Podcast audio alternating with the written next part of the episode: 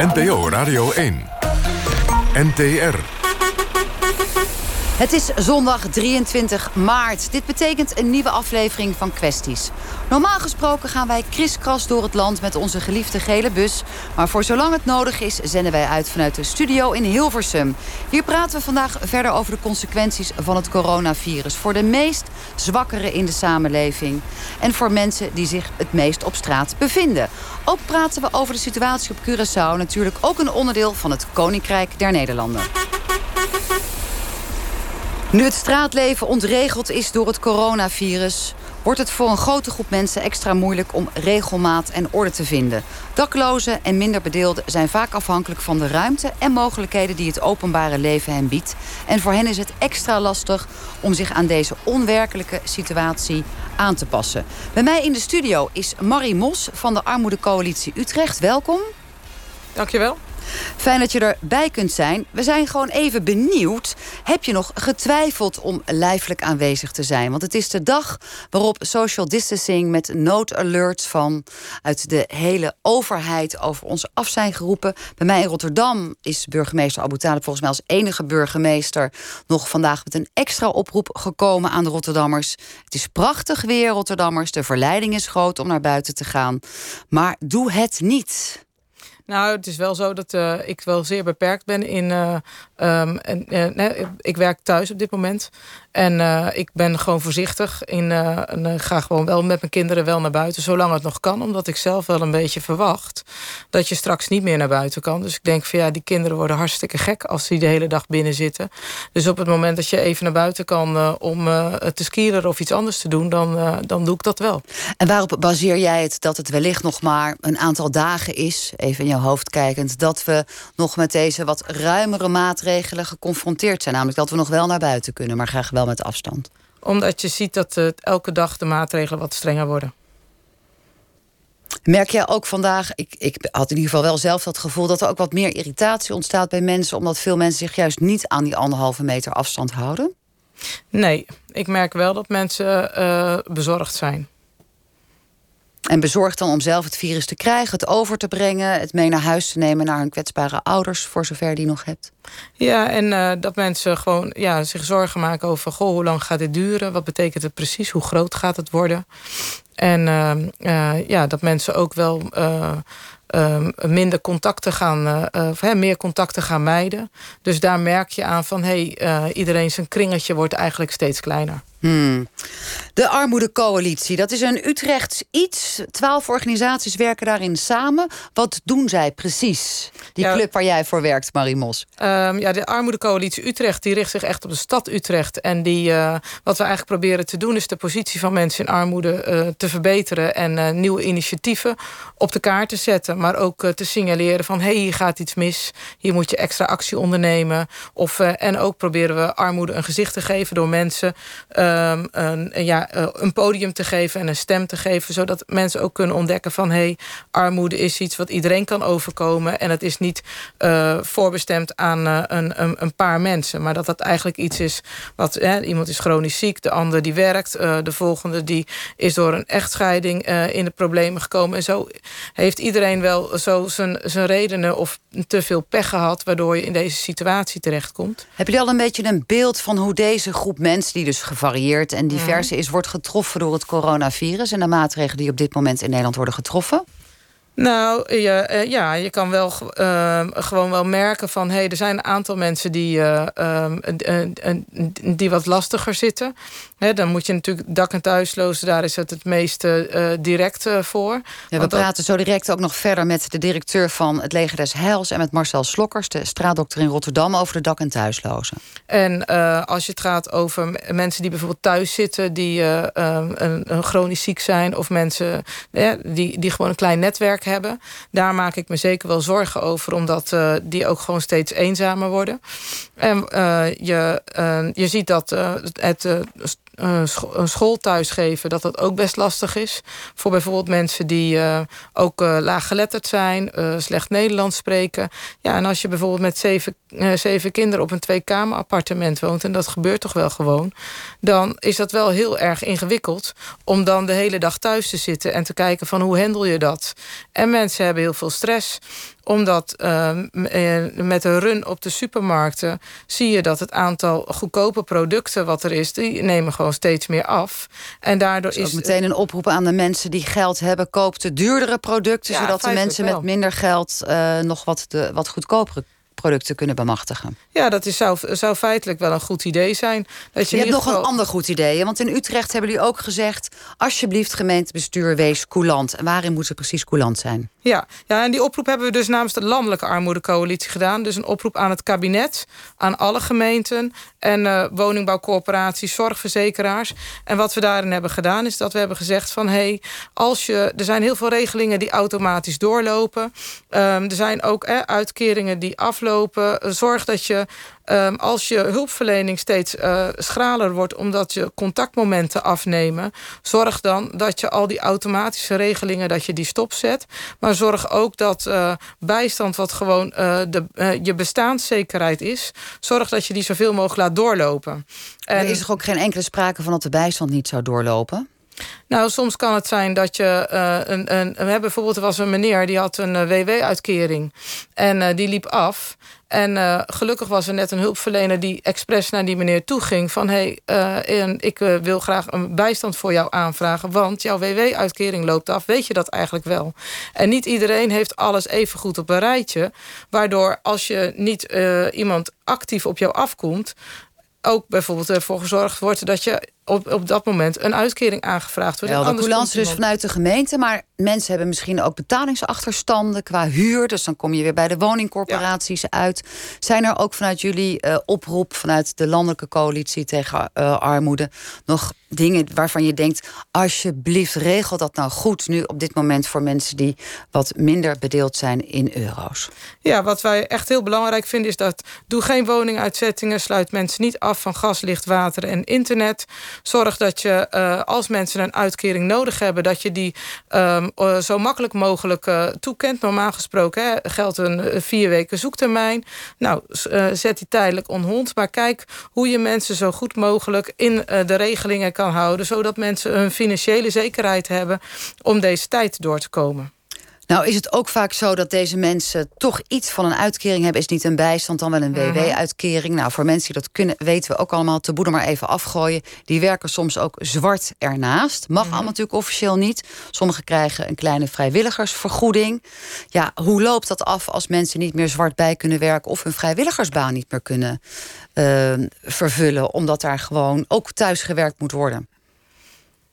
Nou ja, kijk, als mensen hun. Uh, en het geldt natuurlijk wel dat niet iedereen. Uh, dat er natuurlijk ook heel veel mensen zijn die gewoon rondkomen. Proberen rond te komen van hun uitkering. Maar wat je wel ziet, is dat mensen als ze hun kleine andere activiteiten. die ze soms bijvoorbeeld als vrijwilliger doen. als je die niet meer vervult, dat dan je leefgeld steeds kleiner wordt. Dat is natuurlijk een rechtstreeks gevolg. Ja. Hebben jullie al een reactie gehoord? Want ik kan me voorstellen dat in Utrecht, waar de lijnen kort zijn... en waar jij ook bij de Armoede Coalitie Utrecht zegt... er misschien al een reactie is gekomen vanuit de uh, woningcorporatie... van wij gaan mensen echt niet uitzetten? Ja, de woningbouwcorporatie Portaal heeft gezegd dat ze geen mensen uitzetten. Uh, Vitens die heeft gezegd dat ze geen uh, water afsluiten. En uh, de gemeente zelf die heeft dus ook een, een brief donderdag de deur uitgedaan... waarin ze hebben aangegeven dat ze alle uitkeringen laten doorlopen. Dat ze coulant zijn met uitkeringen die stopgezet moeten worden. En dat ze zeg maar zoveel mogelijk rekening houden met kwetsbare situatie. En dat ze ook kijken naar broodnood. Dus op het moment dat je ziet van... Hey, iemand heeft gewoon geen geld om rond te komen... dan wordt er eerst uh, ja, crisisdienstverlening noemt de gemeente dat. Eerst crisisdienstverlening ingezet voor de, uh, om te zorgen dat mensen gewoon deze situatie zo goed mogelijk door kunnen komen. Nou, dat klinkt echt heel humaan en heel coulant en heel fijn om te horen. En dank ook dat jij je daarvoor inzet, zo hard, Marie Mos. We gaan verder praten met Marcel Slokkers. Hij is straatdokter in Rotterdam. Ontzettend fijn, Marcel. Ik mag Marcel zeggen, want we kennen elkaar. Dat u tijd voor ons vrij wil maken en wat slaaptijd inleeft. Want u hebt zo direct nachtdienst. Ja, de huisartsenpost die uh, verwacht dat er dokters zijn. En ik uh, ben aan de beurt op de huisartsenpost naar Rotterdam. Ja. ja, ook daar wordt keihard samengewerkt, hè? Ja, nou, dat is ook nodig. En um, uh, ja, de aparte pakkendiensten... waarbij mensen in het pak zijn om met isolatiemateriaal zieke mensen met mogelijk corona te onderzoeken. allerlei protocollen zijn daarvoor. En ja, ik ga kijken hoe dat uh, vannacht gaat. Marcel Slokkers, uh, Marie zei het net al... dak- en thuislozen zitten vaak in slaapzalen, leven op straat. Welke risico's ziet u als straatdokter vanuit medische oogpunt nu op u afkomen? het, het, probleem is dat inderdaad veel mensen met uh, 12,5 met 18 mensen op een slaapzaal slapen. En, en ja, dat is natuurlijk de manier om de, ook de corona sneller te laten verspreiden. Dat is een, een groot risico. Veel mensen hebben al een slechte gezondheid, hebben al um, hart- en vaatziekten, hele slechte longen. Um, ja, eigenlijk is het de coronastress die wij nu allemaal hebben, is, uh, is een beetje te vergelijken met de, corona, met de stress die elke dakloze heeft. Hè. Die weet ook dat hij in een korter leven veel meer ziektes heeft.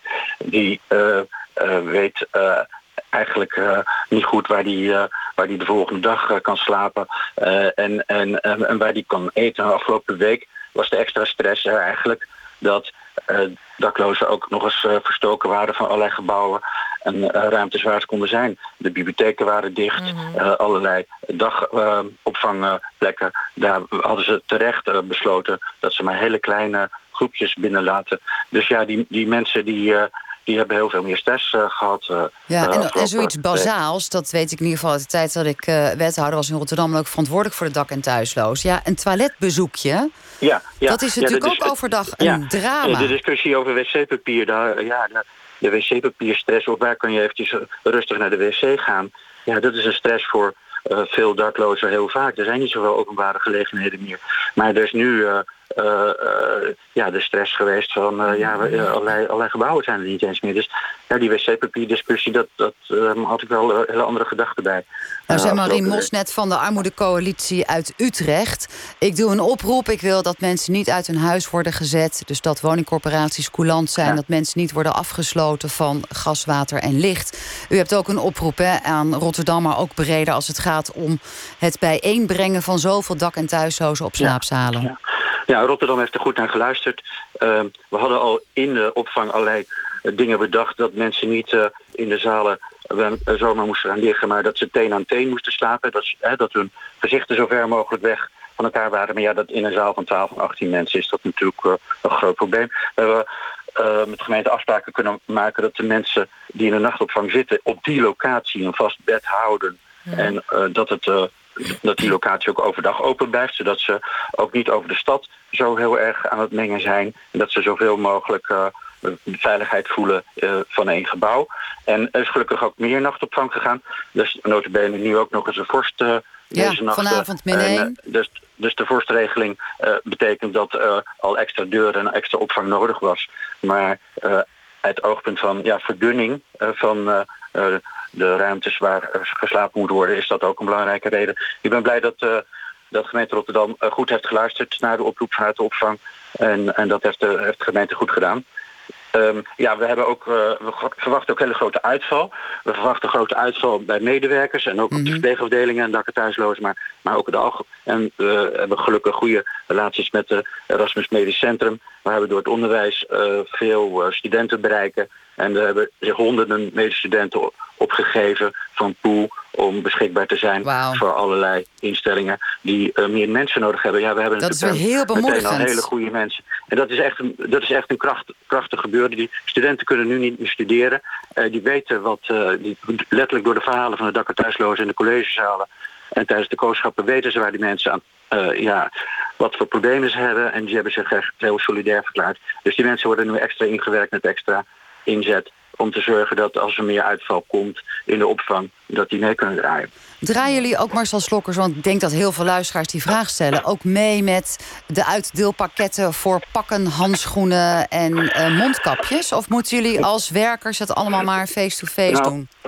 Ik, uh, ik heb uh, een hele vriendelijke tandarts die me dingen gebracht heeft... wat werkelijk hartverwarmend is en wat echt een geweldig initiatief is... is dat de nachtopvang de Hille, dat daar een heel stel mensen... Uh, met naaimachines mondkapjes zijn gemaakt. En, en dat zijn ja, met stofzuigerzak uh, inhoud mondkapjes die, waar we het even op de verpleegafdeling mee moeten doen. Ja, ik, de, de, oproep voor goed materiaal geldt voor elke huisartsenposten en huisartsenpraktijken... en vooral ook alle ziekenhuizen en verpleeghuizen en verzorgingshuizen. We willen dat ook zo goed en zo slim mogelijk op het juiste moment gebruiken. Dus er niet mee gaan rondlopen als het niet nodig is. Ehm, maar ja, dat is, we zien mooie en nieuwe uh, dingen. En, en, ja, dat, ja, tussen al het leed door. Hè, want ik kan me ook voorstellen dat zo'n anderhalve meter, meter afstand houden op een slaap, zoals van u ook zegt. Gelukkig heeft de gemeente Rotterdam naar ons geluisterd. Kan ik me ook voorstellen dat naast dat um, uh, dak- en thuislozen kwetsbaar zijn in lichamelijke zin, dat ook de stress toeslaat bij deze mensen. Velen zijn ook verslaafd. Ja, hoe moet dat allemaal? Ja, en, en de, de, uh, ja, de, de extra ruimtes, daar hebben we natuurlijk ook niet echt de normale procedures voor kunnen doorlopen, de gemeente, om te zorgen dat er nieuwe, uh, nieuwe locaties voor. Want we hebben, zijn ook blij dat we nu quarantaineplekken gaan krijgen. Uh, dat er plaatsen waar als je dan corona hebben, dat we daar ze veiliger daar neer kunnen zetten in plaats van in die slaapzaal. Ja, jullie willen ze absoluut is, splitsen. Dat kan ik me ook zo goed voorstellen. Want anders krijg je natuurlijk van de ene naar de andere een verspreiding van het virus. Ja, dus dat is, dat, dat is heel belangrijk. Uh, ja, wat, wat, we, willen alleen nog meer. En dat is uh, een, een, oproep doen aan alle aardige lieve mensen in deze stad en in Nederland die een zogenaamde bankslaper hebben. Mensen die geen verzekering, geen geen, uh, geen adres officieel hebben. Die mensen hebben iemand op de bank slapen. Het is voor bankslapers op dit moment erg moeilijk... omdat al iedereen thuis zit met kinderen. En, en, en een bankslaper, nog even voor de luisteraar... dat is iemand die geen vaste verblijfsplaats heeft. En dan weer bij de tante, dan weer bij een vriendje... maar eigenlijk soort half illegaal door Nederland rondloopt. Geen bijstandsuitkering ja. heeft vaak. Ja, en die nog net niet in de nachtopvang uh, verblijft. Nou, daar is in Rotterdam een grote groep van. Ja, wij, wij hopen toch dat deze mensen niet uh, de deur uitgeduwd worden. Want dan, ja, dan kan de nachtopvang het echt niet aan. Uh, we hebben daar ook iets voor nodig. allerlei uitkeringsregels die ervoor zorgen dat, dat er zorgvuldig wordt omgegaan met, met geld. Die zijn belangrijk. Maar ik denk, ik ben het met de vorige spreker ook eens... dat we dat even moeten laten vieren. We moeten echt zorgen dat uh, iemand die een, een bankslaper een plekje geeft, daar niet uh, last van krijgt. Ja. Want die bankslapers, mensen die een bankslaper hebben in huis, die hebben we in deze crisistijd hard nodig. Ja, maar dan moeten die bankslapers natuurlijk wel voor zorgen... dat ze dan ook niet de overdag de hele tijd gaan rondhobbelen... met allemaal nieuwe groepen en dan weer jouw huis inkomen... met allemaal besmettingsrisico's. Maar dat is dan weer een oproep aan de bankslapers. Marcel Slokkers, u bent arts. U bent uh, zeer gerenommeerd, ook in, internationaal befaamd als straatdokter. We hebben natuurlijk virussen gehad in het verleden. Veel uh, dak- en thuishuizen hebben TBC eh, gehad. Dat was altijd een moment waarbij de publieke gezondheid ook een rol speelde. Wat kunt u zeggen wat we uh, met elkaar kunnen leren ten aanzien van virusbesmettingen in het verleden en nu met het coronavirus? Ja, nou, in 1870 hadden we natuurlijk schoon drinkwater nodig om cholera uit de stad te krijgen. Uh, daar was toen ook heel veel weerstand tegen. Mensen bleven uitgesloten en de singles drinken. Toen werd er gezegd, iedereen moet gewoon een vast tarief betalen voor zijn drinkwater. Dat was een manier om met z'n allen te dragen wat er nodig was. Uh, dat is uh, van de cholera en tyfus in 1870 al te leren. Voor tuberculose hadden we ook al, quarantaineplekken goed geregeld... en een, gezondheidssysteem met tuberculosediensten... Um, ja, ik denk dat wat we hebben moeten leren is dat we een soort publieke gezondheidszorg in stand en overeind moeten houden. Ook in tijden van rijkdom en relatieve rust. Ja, van de AIDS-epidemie heb ik uh, geleerd dat we in Rotterdam heel vroeg, en heel Rotterdam, hè, dus de opvang, mm -hmm. de verslavingszorg, de apothekers, zelfs de politie, hielp met schone spuitombrouw in de begin tachtige jaren. En dat heeft gezorgd dat er heel weinig hepatitis, heel weinig AIDS voor is gekomen bij de, bij de spuiters in Rotterdam. Mm -hmm. Ja, Niet veel minder dan in Amsterdam, hè? Ja, 13, 13% in, in, in uh, in Rotterdam is uiteindelijk heb, uh, heeft uh, aids gekregen uh, door het spuiten. En in Amsterdam was dat 35 procent, waar veel meer internationale druk was. Maar in Parijs, waar spuitomrouw verboden was, is dat uiteindelijk 65 procent geworden. En ja, waar ik blij naar ben, is dat dat succes wat wij toen hebben meegemaakt in de opvang en straatdokter is het zo dat dat, dat succes, dat dat is uh, belangrijk. Uh, en dat laat ook zien dat je in het begin van de epidemie uh, de goede stappen moet doen. Dus ik, ik ben ook blij dat het begin van de epidemie... We hebben, net nog, we hebben diverse mensen de nachtopvang ook getest. We hebben ze nog niet kunnen aantonen. Maar nu moeten we dus die, die, die isolatieplekken hebben. En nu moet je alle, alle maatregelen. Dus ja, de corona, de aids is te vergelijken met de, met de cholera- epidemie met de tuberculose-epidemie. Maar ook met de AIDS-epidemie. stel, doe, gek, doe bijzondere dingen. Heb ook lef als overheid om, om iets te doen. dat is ook een oproep eigenlijk ook aan alle burgemeesters en alle andere plaatsen. Want het is echt nog niet zo goed geregeld in alle plaatsen in het land dat er opvang en, en ruimte is. Maar het is echt ook een oproep vanuit de Nederlandse staatdoktersgroep om te zorgen dat, ja, dit, dat dit kwartje wat in Rotterdam gevallen is ook in andere steden valt. Marcel Slokkers, ja, zeer veel dank. Ik heb nog de behoefte om één vraag te stellen, ook al weet ik dat de tijd dringt. Hebt u uh, vanuit uw uh, straatdoktersclub ook internationaal contacten? En kunnen we daar nog iets over zeggen? Hoe gaat het bijvoorbeeld in Iran met ja. uh, mensen die op straat leven, of in Italië? Nou, International Street Medicine uh, organisatie, die, die overigens in 2000 18 hier in Rotterdam met 300 straatdokters over de hele wereld op bezoek was. Die, uh, ja, die hebben allerlei noodpakketten. Uh, Irak en Iran is zo, zo niet, niet goed toegankelijk, ook ons, voor onze straatdokters. Maar de, de, de, de nood is, is, is, is een heel de, heel de wereld heel hoog. En ja, dan denk ik ook nog eens even, uh, niet alleen aan in de westerse landen, maar vooral in de niet-westerse landen is, is, is er natuurlijk echt een, een verschrikkelijke pandemie aan de gang. Um, een, een, pandemie en, en, en, en ook hele goede draaiboeken eigenlijk die we nu uh, internationaal met elkaar uitwisselen. En uh, ja, dat is, uh, dat is de, de rijkdom van investeren ook in, in, in een internationaal netwerk. Dank u wel, Marcel Slokker. Succes met uw goede werk. Succes zo met uw nachtdienst. En al uw oproepen zijn gehoord. Dank u wel. Dank u wel. Aan de telefoon Cornel Vader. Hij is directeur van het Leger des Heils. Ook voor u een belangrijke uitdaging, denk ik, om hulp te blijven bieden op een veilige manier. Ik denk dat u de hele uitzending hebt meegeluisterd, Marie Mossel hebt gehoord en ook de straatdokter uit Rotterdam, Marcel Slokkers. Wat valt u het meest op op dit moment? Ja, goedenavond. Het is inderdaad uh, ook bij ons wel alle hens aan dek. In uh, alle grote steden en ook in alle provinciesteden zijn er opvangcentra, onder andere van het Leger des ook van collega-organisaties. Ze zijn allemaal meer dan vol. En juist in deze tijd is ook de winteropvangregeling nog uh, van kracht. Dus zodat ook de extra locaties die we dan hebben ook nog eens vol zijn. Dus het is alle hens aan dek. Het is echt aanpoten voor alle uh, professionals die we hebben. Mensen die dagelijks werken in die opvangcentra. Waar ook die naar mensen thuis gaan, ambulant werken. Het is echt keihard werken om alles onder controle te hebben. Ja, knap dat dat jullie lukt. Want ik kan me ook voorstellen dat... Uh, we hebben natuurlijk nu de discussie heel erg over IC-bedden... en of dat we daar voldoende van hebben. Maar we hoorden net natuurlijk als de bankslapers... ook nergens meer terecht kunnen staan. Ze straks bij de dag- en nachtopvang voor de deur. Als mensen toch een huis uit worden gezet... staan ze ook bij u op de deur. En dan hebben we natuurlijk straks ook nog de groep Oost-Europeanen... waarvan ook in uw omgeving, binnen de dak- en thuisloze opvang... ook wordt gezegd, oh mijn goedness, als het straks ook zo is dat zij geen werk meer hebben... dan staan ze ook bij ons op de stoep. Ja, dat klopt. Um, de, de, mensen die hier tijdelijk arbeid uh, verrichten... die hebben vaak ook nog wel een onderkomen. Uh, of geregeld door de werkgever of met elkaar. Soms is het is ook niet van de allerbeste kwaliteit vaak. Uh, we weten dat er heel veel mensen uit Oost-Europa, maar juist ook uit de grote steden, ook in vakantieparken en op campings uh, verblijven. We weten dat daar ook uh, steeds meer gemeenten dat willen handhaven mm. en mensen daar wegsturen. Ook dat zou echt heel slecht zijn. En er wordt al in deze uitzending vaak een coulance-regeling voor gepleit. Mm -hmm. dat wil ik zeker ook daarvoor doen.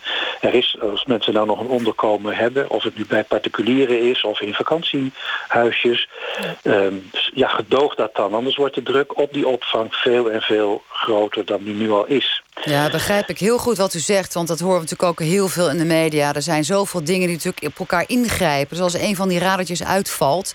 dan komt het aan de onderkant van de samenleving natuurlijk allemaal samen... en worden de complexe problemen alleen nog maar groter. U zei ook al vanuit het huiselijk... Uh, vanuit uh, uh, onze club, het Leger des Heils... komen ook veel bij mensen thuis. Ook ondersteuning bieden jullie voor mensen met huiselijk geweld. Ik ben ontzettend benieuwd als je nou met elkaar zo samen zit... en wellicht gaan we straks over naar nog strengere maatregelen... en mogen we de deur straks echt niet meer uit. Ja, hoe moet dat met huiselijk geweld? Werken jullie nog goed samen met de politie? Lopen de kinderen daar extra risico's... of mensen die in huwelijkse problemen zitten? Het is uh, wel degelijk zo. is van de, van de week ook uh, in het nieuws geweest. En wij merken dat ook. Dat juist in uh, die gezinnen waar sowieso al veel spanningen zijn. En veel problemen tegelijkertijd. Als je dan echt helemaal op elkaar bent aangewezen. Ook in die huiselijke situatie. Kan die spanning wel eens erg toenemen. Er werd van de week ook gepleit om kinderen en jeugdigen. Ook middelbare school. Vanuit die kwetsbare gezinnen. Toch zoveel mogelijk naar school te, te laten gaan. Om dat er toch doortgang te laten vinden. Daar ben ik wel heel erg voorstander van. ja, dat klinkt wel heel goed, dat begrijp ik. Alleen had ik dan zelf liever gehad dat we dan in één keer met de vitale beroepen ook hadden gezegd: kinderen uit kwetsbare gezinnen. Want als je nu opeens maandag op school verschijnt, dan heb je natuurlijk een stickertje dat het thuis niet goed gaat. Ja, die stigmatisering, dat zou er natuurlijk echt niet eh, bij moeten. Ik ben trouwens al wel blij dat het eh, zorgpersoneel... en het geldt ook voor eh, de meeste mensen die bij het leger werken... die kinderen hebben in schoolgaande leeftijd... dat er toch wel die kinderen naar school kunnen of naar de kinderdagverblijven. En in feite zou, zou deze categorie daar ook voor in aanmerking moeten komen. Ieder gezin waar we komen, of het nu gaat om volwassenen met spanningen in huis... of gezinnen waar kinderen en jeugdigen onder toezicht zijn gesteld... Ehm, daar maken we wel een, een serieuze risico-inschatting. En als, als we denken dat daar gevaar is voor de ontwikkeling van de kinderen... of voor hun welbevinden, dan gaan we daar ook extra naartoe. Dus er wordt bij iedere situatie wel een risico-inschatting gemaakt. En als het nodig is, gaan we ook gewoon vaker op bezoek. Natuurlijk gebruiken we ons verstand, want als er aanleiding is om te denken... hé, hey, je kan wel eens een besmettingsgevaar zijn... dan moeten we op andere manieren zoeken om uh, de vinger aan de pols te houden... en in contact uh, te blijven. Maar ik, ja, ik ben wel enorm trots op al die duizenden medewerkers... die helemaal die, die, die het standpunt hebben van uh, onze zorg en ondersteuning gaat door. Zowel bij gezinnen, maar ook bij al die dak- en thuislozen en verslaafde mensen. Tenzij het zo is dat het verstandig is om daar even wat afstand van te nemen... en iets anders te verzinnen. Maar de default positie is, we gaan ervoor... En we moeten natuurlijk ook gewoon ons verstand gebruiken. Nou, prachtig gesproken. Heel veel succes met uw goede werk. En als u nog wat nodig heeft van Nederland... dan meldt u zich gewoon volgende week weer bij Kwesties. Want wij lijken wel de omroep en uh, het programma... waarin allemaal oproepen worden gedaan tot coulance. Maar zeer okay. veel dank voor uw inspanning en succes ook weer in week 2... die morgen begint van deze coronavirus-tijd. Cornel, vader, directeur van het Leger des Heils. Wij gaan over naar jongeren. Misschien een gek bruggetje om van de daklozen en de minder bedeelden naar jongeren over te gaan. Maar ook zij zijn een groep die veel gebruik maken van de straat als sociale plaats. We hebben het er niet altijd uh, uh, over de afgelopen dagen. Of ook weer wel. Maar de jongeren die sporten, die gaan nog naar buiten, hangen nog met elkaar samen. En ja, dat is niet iedereen even uh, lief als jongeren dat doen. En er wordt verschillend over gedacht. Maar vanuit Rotterdam is er in ieder geval al een oproep gekomen. We hebben Guillermo Garinzo de Graz aan de telefoon. Hij is jongerenwerker van stichting JOZ. We beginnen eerst met een fragment van jullie campagne. Boys, dit is geen grap. Dit is Yusuf. Er gelden nieuwe regels op straat. Niet te dicht bij elkaar. Geef geen handen en geef geen box. Maar groet elkaar op afstand. Blijf zoveel mogelijk thuis. Het is ook geen zomervakantie. Als je dan een balletje trapt... Of even chillt. Doe dat dan niet in een grote groep. Blijf anderhalf meter van elkaar. Minimaal anderhalve meter. Denk aan je opa. Denk aan je oma die wat ouder is. Je vader en je moeder. Dit is om jullie allemaal wakker te schudden. Zodat we na de overwinning van dit virus elkaar veilig de handen kunnen schudden. Neem dit serieus. Dit is geen geintje. No joke. Corona is echt. Corona is echt. Je begrijpt me toch? De beelden en de stemmen die dit fragment, bij dit fragment horen... zijn de verschillende jongerenwerkers en BOA's, bijzonder opsporingsambtenaren... die de jongeren ook rechtstreeks in de camera aankijken met dit bericht. Guillermo, waarom hebben jullie dit initiatief genomen in Rotterdam? Uh, ja, goedenavond. Uh, ja, omdat wij uh, allereerst zorgen maken om de jeugd. omdat wij de afgelopen week hebben gezien dat zij de buitenruimte blijven opzoeken. En um, ja, je probeert toch wel op, op uh, um, ja, innovatieve manieren jongeren te bereiken. En uh, um, vaak probeer je dat op één op één gesprekken. En dat is nu een stuk lastiger, omdat wij... Uh, ja, jezelf ook, wel... ook afstand moeten houden. Juist, juist, juist, juist. En, en, normaal gesproken zijn we ook gewoon actief op straat. Um, maar dat wordt gewoon lastiger. Uh, gelukkig hebben we de afgelopen jaren ook veel ingezet op, uh, op, op, op het online werken. En, uh, wij noemen dat intern het online jongerenwerk. En uh, daarmee bereiken we dus ook heel veel jongeren. Want uh, jongerenwerkers hebben een sociaal kapitaal opgebouwd. opgebouwd en uh, uh, daarnaast nu ook sociaal Daar kapitaal. plukken jullie nu de vruchten van. Heel Yes, goed. yes, maar zeker, zeker. luisteren ze naar jullie. Want we hoorden vandaag ook van de politie die zei... ja, het is toch ook wel weer een puntje van aandacht... dat wij vragen voor respectloos gedrag jegens ons. Nou, jullie zijn ook niet voor niks, eh, denk ik, begonnen... met zo'n online campagnefilmpje Ja. van neem het serieus... en luister ook naar ons. Maar doen de jongeren dat nu ook? Nou, je, je ziet dat wel, eh, het, verschilt per, per, per jongere. Je ziet wel dat jongeren wel echt wel degelijk geïnformeerd zijn. Ehm, maar toch wel de, een, ja, eh, de mindset hebben van ja, het coronavirus kan mij eh, vrij weinig. Hmm. En, en, en, en, en dat, dat is de, wel een, een stukje nuchterheid. Wat we niet alleen bij jongeren zien, maar ook, eh, ook gewoon heel veel ouderen. Want eh, de afgelopen week, eh, als je de parkjes afgaat, dan zie je gewoon heel veel volk wat, wat, wat richting die, die plekken trekt. En dus ook de jeugd. Mhm. Ehm, Ja, en ik kan het me ook wel voorstellen. Want ze Ja. hebben natuurlijk ook... Het is A, lekker weer. B, eh, nou, Rotterdam, Zuid kennende. En jullie werken natuurlijk wat breder dan Rotterdam-Zuid. Alleen woont ook niet Ja. iedereen in een riant vijfkamerhuis. Dus ja, die jongeren moeten ook gewoon nog wat bewegen. En je hebt ook liever dat ze niet gaan gamen, toch? Ja, nou, we, ik, moet, moet ook wel zeggen dus dat we eh, vooral willen eh, dat ze eh, luisteren naar de richtlijnen die, die zijn opgegeven. En, en, en als game ervoor zorgt dat, dat jongeren thuis blijven, dan, dan, dan zullen we dat ook gewoon stimuleren. Ehm, ehm, maar we zijn ook gewoon aan het kijken van oké, hoe kan je op een, op een creatieve manier jongeren thuis houden. En daardoor organiseren we met, met collega's verschillende challenges. Dat kan een kook-challenge zijn, dat kan een rap-challenge zijn. Dat kan ook een, een, een- een teken-challenge zijn. Om ervoor te zorgen dat jongeren thuis, eh, thuis blijven. Maar we hebben ook gewoon te maken met een groep. Zoals eh, eerdere gasten ook vertelden. eh, die geen ruimte thuis hebben. en dus eigenlijk door de situatie thuis naar buiten gedrukt worden. En, en, en elkaar ontmoeten. Ja, en, voorlopig mag het nog, hè? Want ja, je moet Ja. er natuurlijk niet aan denken dat het over een paar dagen verandert... en dat we in een total lockdown gaan. Want dan is het voor deze jongeren echt heel erg lastig... om nog hun ja, vrije tijd ergens door te kunnen brengen met vrienden of wat dan ook. Inderdaad, inderdaad. En ehm, daarom is, eh, ik vind ook de rol van, van, van ouders, maar ook andere volwassenen in de buitenruimte, die, geven ook, die hebben ook denk ik ook een, eh, een voorbeeldrol, een voorbeeldrol hierin. Eh, om het via die personen te spelen, om die ook hierin te betrekken. Want die geven ook een voorbeeld naar, zijn ook een voorbeeld voor de jeugd. Ehm, eh, maar zoals ik al zeg, eh, challenges, eh, die online activiteiten, maar ook dit filmpje wat we dus met elkaar Ja. hebben ontwikkeld met de gemeente Rotterdam en, en, en, en, en de partners, proberen we het bewustzijn bij jongeren te vergroten.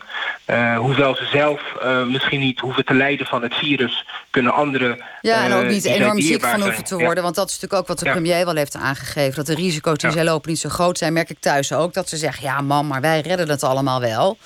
Maar ja, Ja. weet je, het is natuurlijk toch een lastige situatie... om dat ook weer allemaal uit te leggen. Ook aan de jeugd en zeker ook met die puberbreins. Maar jij zei natuurlijk, eh van, nou, eh, als ze gaan gamen zullen wij dat stimuleren. Die hebben ook positieve challenges. Hier in de studio bij mij in Hilversum zit Michiel Smit. Hij is een ex gameverslaafde. En luister even mee, Guillermo, wat hij eh, vindt van dat idee dat jongeren veel gaan gamen in deze coronatijd. Michiel Smit, goed idee? Eh, hey, goedenavond.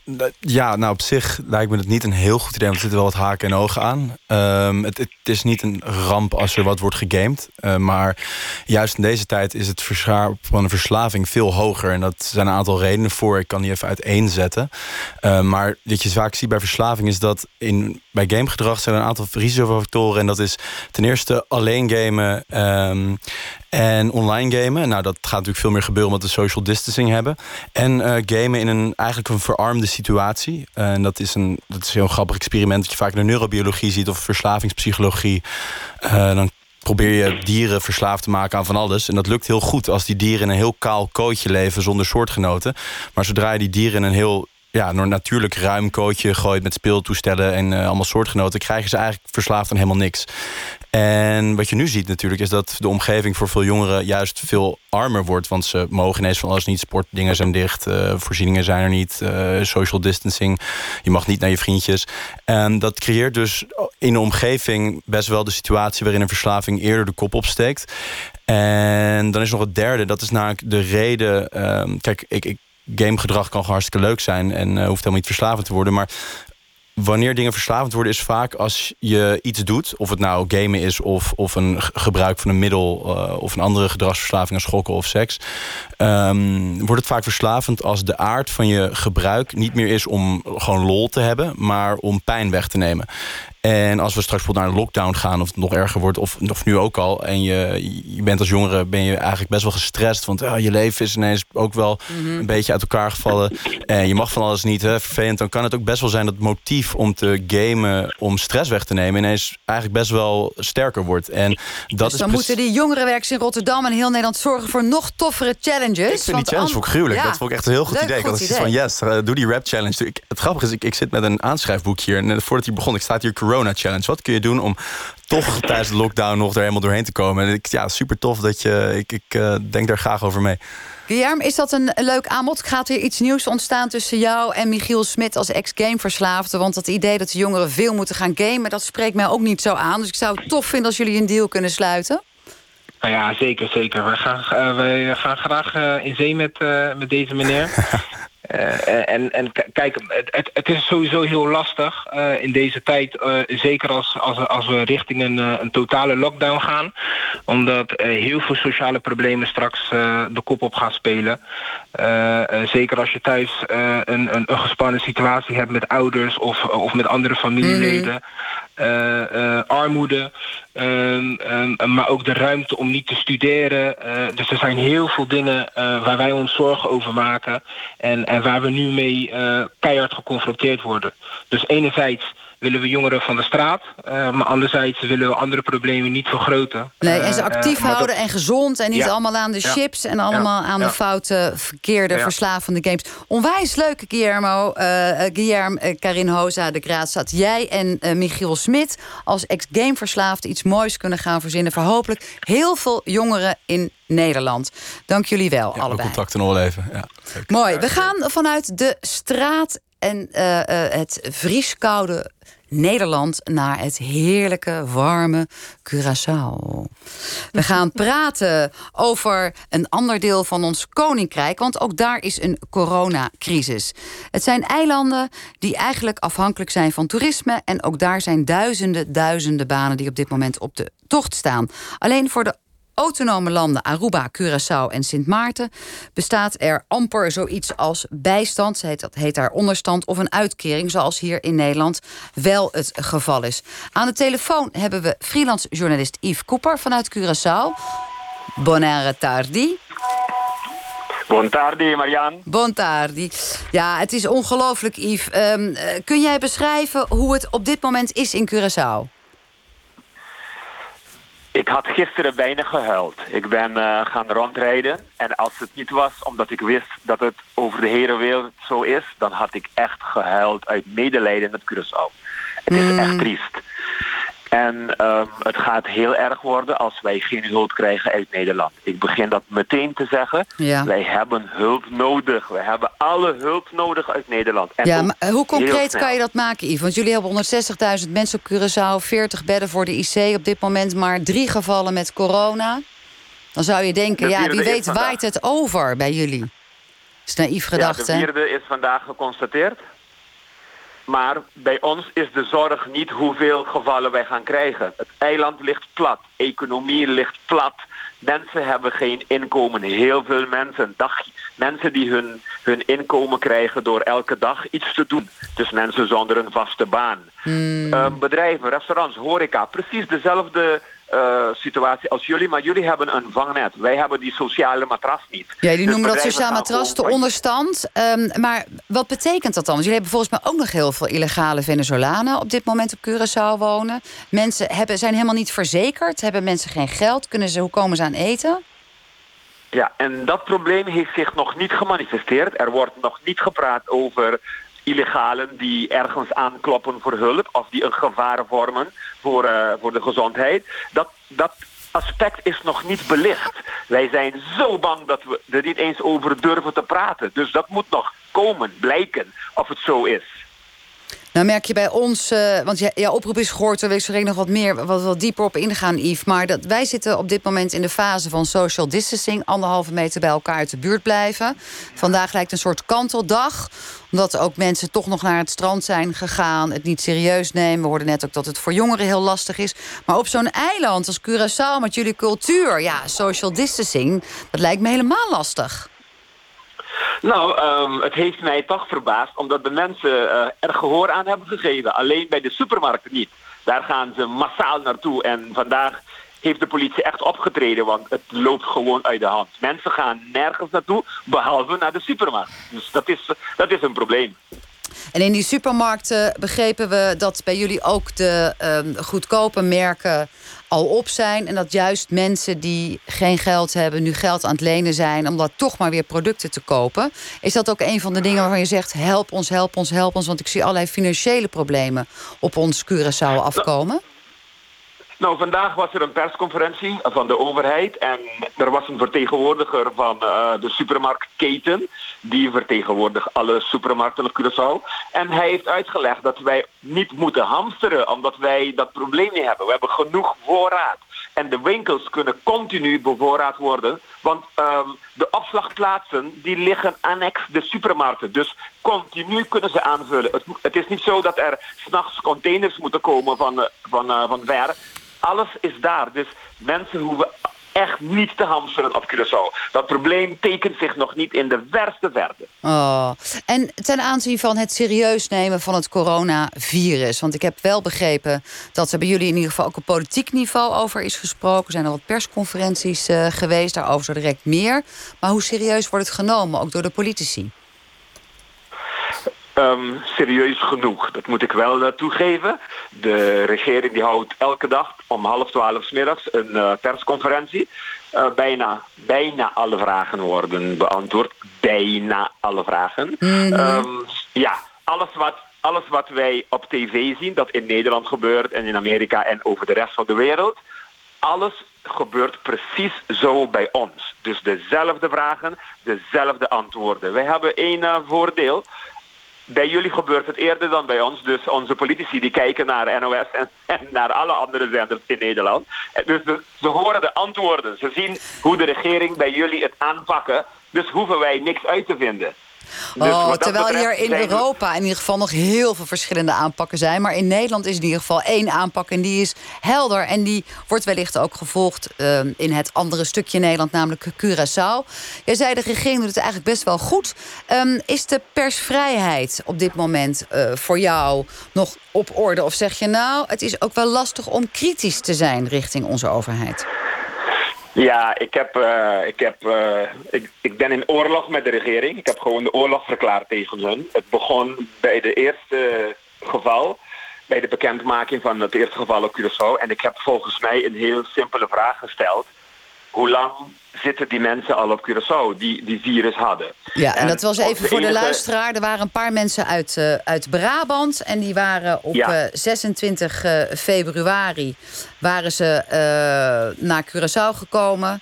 En 5 maart, toch? Zoiets. In ieder geval zat er een tijd tussen. En je wilde weten als journalist van hoe lang zaten ze eigenlijk al op ons eigen Curaçao uit Brabant om mogelijkerwijs dat virus te kunnen verspreiden, want ze waren besmet. Dat was mijn enige vraag. En onze epidemioloog, de enige die we hebben, keek me aan en vroeg aan mij: waarom wil je dat weten? Waarom is dat belangrijk?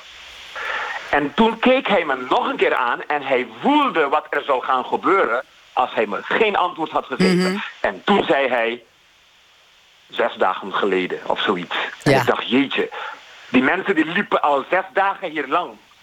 Waar zijn ze allemaal naartoe geweest? En, en wat ik jammer vond, hij zei ja, maar we hebben met hun gesproken en ze waren heel eerlijk hoor. Ze hebben al onze vragen eerlijk beantwoord. Dat ze nergens naartoe zijn gegaan. Dat ze zich hebben opgesloten op een hotelkamer. Ja, dan denk ik, jeetje, ik ben, ik ben een verslaggever man. Ik moet vragen stellen, ik moet antwoorden krijgen. Dus vanaf dat moment was het voor mij klaar met de regering en dokter Gerstenbloed en iedereen. Dus ik ben Ja. tekeer gegaan op mijn Facebook. Ja, en dat is de situatie. Gisteren en vandaag voor het eerst hebben ze dezelfde persconferentie half twaalf gehouden, zonder pers erbij. Ja, dat, is, dat, dat kan natuurlijk niet. Jullie moeten daar vragen kunnen stellen, lijkt me. Het is natuurlijk ook zo dat ehm, wellicht de oude situatie... waar we mee te maken hebben gehad, de onafhankelijkheid... nu weer tijdens deze coronatijd meer opbreekt. Want van autonomie kun je niet eten. Jij zei al, onze bijstand, de onderstand... die is niet heel erg ruim en ruimhartig. Ja, het is natuurlijk nu een autonome club daar... waar eh, jullie eh, mee te dealen hebben als het gaat over regering en overheidsbeleid. Maar voor een deel hangt hij nog vast aan Nederland. Is het ehm, wat dat betreft ook zo dat je je zorgen maakt?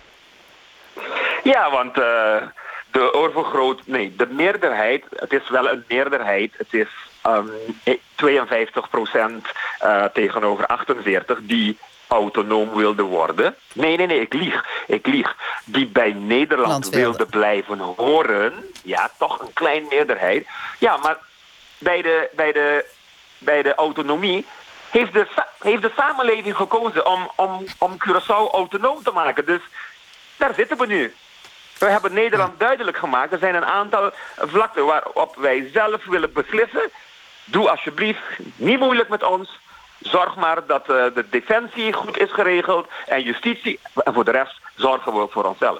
En, dat, en dat, dat kunnen we nu niet doen. Nee, dat wreekt zich. Want ehm, jij maakt je ook zorgen over ondernemers. En jij steunt op eigen titel een aantal Ja. startende ondernemers. Heel lief, hè, de startende ondernemer. Jij probeert hen te helpen door gratis te schrijven over hun producten. Maar goed, ja, Ja. de kans dat deze Dat- partijen failliet gaan... daar maak jij je grote zorgen over. Ja, want eh, verschillende bedrijven zullen failliet gaan over de hele wereld. Maar bij ons zal de impact groter zijn. Want wij hebben die sociale matras niet. Deze mensen hebben schulden. Onze uitkering is 300 gulden per maand. Voor sommige gezinnen 400 gulden. Daar kun je niet van leven. Dan ben je alles kwijt. We hebben geen voedselbank in die zin dat mensen naar een voedselbank gaan. Het is zo kleinschalig, mensen schamen zich. Het is zo moeilijk, het is zo moeilijk wat ons te wachten staat. Co- Coraline Kooistra, die ook aan de lijn is, die zegt... het is waar wat Yves Cooper zegt. Blijf even aan de lijn, Yves. Over die schrijnende situaties gesproken, Coraline. Veel armoede is er al op Curaçao. Maar dat wordt wellicht alleen nog maar verergerd de komende periode. U bent al 18 jaar actief op het eiland... voor met name kinderen in benarde posities. En u zit ook bij de Stichting tegen Kindermishandeling. Ja, voor kinderen is het natuurlijk überhaupt al een drama... om eh, op dit moment eh, je jeugd te zien eh, rondom corona. Dat is in ieder geval nog maar een klein onderdeel... en niet buiten kunnen spelen op dit moment in Nederland. Maar als je dan ook nog in armoede zit... en ook nog op een eiland zoals Yves Cooper beschrijft... waar ook weinig financiële ondersteuning is vanuit de overheid... dan is het, neem ik aan, alle hens aan dek, Coraline. Ja, eh, goedemiddag of goedenavond eh, eh, voor jullie in Nederland. Ja, voor mij, ik kan praten voor de kinderen die in nood zijn, de families in nood. Het is inderdaad zo dat wij de afgelopen jaren heel veel hebben gedaan um, voor deze groep. Maar met de coronavirus wordt het ja, heel moeilijker voor deze groep. Want een heleboel mensen, een groot deel van dit groep... hebben problemen, sociale problemen. Ik noem onder, eh, onder andere honger, eh, kinderen die eh, met honger naar school gaan, kinderen die hun spullen niet kunnen betalen. Dus we hebben een zeer erbarmelijke situaties hier op Curaçao, helaas. En met de corona-situatie wordt dit echt helaas moeilijker voor deze groep. Nou Ehm, heeft eh Yves al gezegd, eh, ik hoop echt dat iedereen het hoort in ons eigen Nederland... waar wij ook nog voor een deel toe behoren. Eh, heb jij daar een goed gevoel over? Want er is wel al gesproken in de politiek in Den Haag... over de situatie op de eilanden. Krijg jij ook toegang tot dat soort gesprekken? Horen ze ook jouw nood, Coraline? Ja, we zijn echt eh, 24 uur per dag eh, bezig. Dus mensen komen naar, ons toe. Ehm, ik moet wel eerlijk zeggen dat ik heel trots ben, eh, vergeleken met wie dan ook. Eh, ik ben wel trots op de manier waarop onze overheid dit hele geval oppakt. Dus vergeet niet, het is iets nieuws voor de hele wereld. En voor een klein, ke- klein eiland als Curaçao ehm, moet je wel heel goed nadenken wat je doet. En ik, tot nu toe ben ik blij met de manieren, met de maatregelen die de, die de overheid heeft uh, En bedoel je dan de overheid op Curaçao, Coraline, of ook de overheid in Den Haag? Ik ben, ja, ik ben blij met uh, de maatregelen in Den Haag natuurlijk. Okay. Maar voor mijn eiland ben ik ook blij. Want we zijn een klein eiland. Uh, we kunnen het niet alleen, vind ik, in deze situatie. Dus de manier waarop uh, de overheid dit heeft opgepakt... de informatie, aantal informatie die je de hele dag op Facebook of in de media leest... het is best oké okay voor mij tot nu toe. vergeet niet, het is een moeilijke situatie. Vele mensen weten nog niet wat, uh, wat er komt, hè, wat de toekomst brengt. Dus uh, men is een beetje hopeloos in, uh, in, in zulke situatie. Dus ik, ik voel dat de overheid zijn best heeft gedaan. Voor nou, dat volk. klinkt, dat klinkt heel goed, Coraline. Tegelijkertijd ja. um, maak je ook natuurlijk zorgen over de kinderen... en wat er nu al gebeurt op Curaçao... en hoe dat in de toekomst gaat als het coronavirus ook daar zeg maar, de lijn volgt... zoals we dat hebben gezien in Italië en wellicht ook in Nederland. Yves ja. Cooper, ben jij ook zo blij over hoe het nu gaat ja, op Curaçao? Ja, ik moet eerlijk zeggen, ik, ik, ben blij, maar ik moet meteen erachter zeggen, wij, wij doen Nederland na en dat is goed, want wij verzinnen hier niks op ons eigen houtje. We zien wat Nederland doet en we doen dat gewoon kopie conform wat jullie daar doen. Alleen, ik heb, ik heb een beetje, nee, ik maak me een beetje zorgen voor wat betreft de transparantie. Ik weet niet zeker of de overheid eerlijk is tegenover ons. Mm. En dat is mijn twijfel. Ja. Ik, ik kan maar het heeft ook te maken met het feit dat je zegt... Uh, het is, ik voel weinig ruimte als journalist om ook kritische vragen te mogen stellen. Nou, die ruimte was er tot afgelopen weekend... toen ze hebben geïntroduceerd dat zaterdag en zondag de pers er niet bij mag zijn. En dan denk je, ja, wat zal dan de volgende maatregel zijn? Vijf dagen in de week terug naar drie dagen in de week of twee dagen in de week. Dus dat soort spelletjes moeten we als pers heel voorzichtig mee omgaan. Nee, die spelletjes, ja, politieke spelletjes is volgens mij heel lastig om daar een halt aan toe uh, te roepen. Coraline, nee. wij hebben ook een uitzending vandaag bij Kwesties die vol zit, bordenvol met oproepen. Heb jij ook nog een oproep? Een oproep? Ik wilde de mensen gewoon... Uh, uh, zich houden aan de regels. Er zijn maatregelen getroffen. Dat hele gedoe met uh, uh, samenscholing, dat is, het is een probleem. Hè? We moeten gewoon de regels respecteren. Het helpt ons. Hoe langer we, we uh, zulke gedragingen um, houden, hoe langer het gaat duren om um, aan een oplossing te komen. Gewoon doen zoals de overheid dat vraagt. Gewoon doen zoals de politie dat vraagt. Gewoon binnen blijven. Het gaat goed. Het is nu rustig. Mensen leren ook andere dingen zoals uh, tijd uh, doormaken met hun familie en een heleboel andere dingen.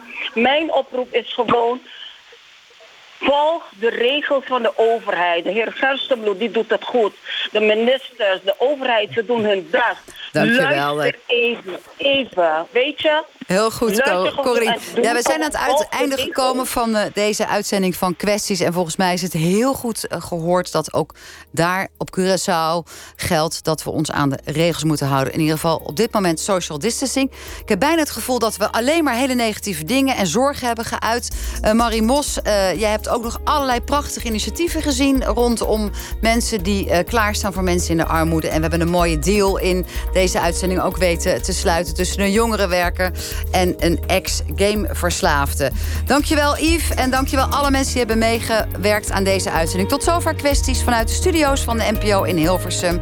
Ik had graag met onze knalgele bus het land in willen gaan, maar dat lukte nu even niet. Volgende week ben ik er weer om met inwoners te praten over prangende kwesties. Blijf luisteren, want zo direct Radiodoc met de man met de microfoon. U hoort Chris Baayema, die met luisteraars besloot om een podcastserie te maken over een lockdown hier in Nederland. Spannend, want we weten natuurlijk niet of dat gaat gebeuren. Wat een rare week was het, maar toch... NPO Radio 1 Podcast. Podcast. Dit is geen tijd voor partijpolitiek of punten scoren. De stemming van Vullings en Van der Wulp. Mensen onnodig laten sterven. Hoe kan het, voorzitter, dat Nederland een premier heeft die dit voorstelt. De podcast over actuele politieke kwesties. Dat is toch ook wel politiek, hè? Toch wel politiek, ja. Elke vrijdag staat er een nieuwe aflevering klaar in je favoriete podcast-app. Dus je kunt ook allemaal dingen wel verzinnen om de tijd goed door te komen. Ja. En dat kan best even gaan duren. Goeie tip voor het weekend. De stemming van Vullings en Van der Wulp. Oké, buurman, wat gaan we in de tussentijd doen? Boodschapje? Plantenwater geven? Wedstrijdje kijken? Buurman. Plankje ophangen? Bandje plakken? Potje poelen? Buurman. Potje kaarten? Pijltjes gooien? Buurman. Tosti maken? Muurtje witten? Gras maaien? Was ophangen? Buurman. Ja. De game is gedownload. Hé? Nu al? Ja, we kunnen gewoon spelen. Nou, game on dan. Snel, stabiel internet en een betere tv-ervaring. Op het krachtige giganet. Dat is het plezier van Ziggo. Wereldwijd gaan 9 van de 10 kinderen met een handicap niet naar school. Het Lilianenfonds zorgt ervoor dat zij wel naar school gaan. Ga naar lilianenfonds.nl en kijk wat u kunt doen. Vandaag niet naar buiten? Dan haal je de wereld toch gewoon binnen? Met een boek.